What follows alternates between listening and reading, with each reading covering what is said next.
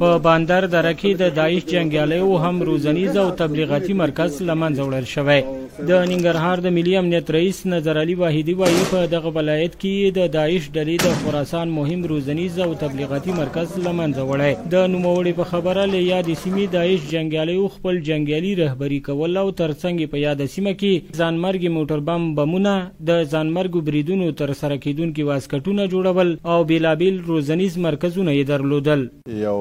ډېره غرنۍ دره او یو ډېره پېچلې دره وه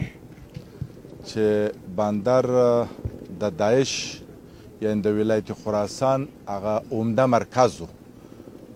ټول سوق و اداره، ټریننګ، د واسکټو جوړول، د موټربمو جوړول، او هم چنان د دوی تبلیغاتي کار چې هغه د خلافت په نامه باندې دوی یو نامنهاده راډیو درلودل تاسو ژورنالیستان هلته تللي یاست هغه راډیو سټیشن چې هغه څه دوی درلود هغه هم له منځه ولاړه یعنې بندر د داعش هغه اصلي مرکز و په ننګرهار کې. ویل کیږي له څه مودې عملیاتو تر سره کیدو وروسته اوس د باندر دره په بشپړه توګه له داعش جنګیالیو پاکه شوې او په پاتې ځینو سیمو کې د یادې وسله والې ډلې پر ضد تازه عملیات پیل شوي دي. د تش په نامه د پولې اخوا کې هلته تربیه کیږي، هلته پټنځایونه دي، تربیه هلته تربیه کیږي، مجهز کیږي، نو دا یو نوع لکه فابریکه چې روانه وي. ته که څه نیسې نو بیا نور هلته تولیدوي نو دا یو اوږده مبارزه ده چې زمونږ د دې سره روانه ده زموږ امنیتي او دفاعي قوتونه د خلکو په ملاتړ باندې په حالت د پیشروۍ کې دي ماینونه یو غټ چالش دی خو هغه هم خنثی کیږي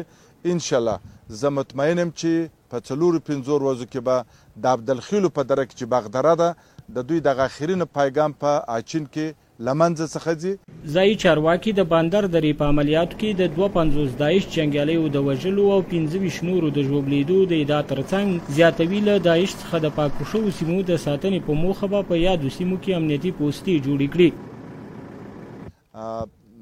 دوه پنځوس نفره داعشیان ووژل شول. او پنځه ویشت نفره زخمیان درلودل علاوه پر ډیر سلایو په لاس باندې راغلي مینونه خونسا سو واسکټونه خونسا سوه حتی موټر بمان دوې شپې مخکې تاسو اورېدلې وي چې په هغه لاندې غټې سمڅې جوړې کړې وي هغه دقیقا تثبیت سوله زموږ د هوایي کوتو څخه پر هغه ځای باندې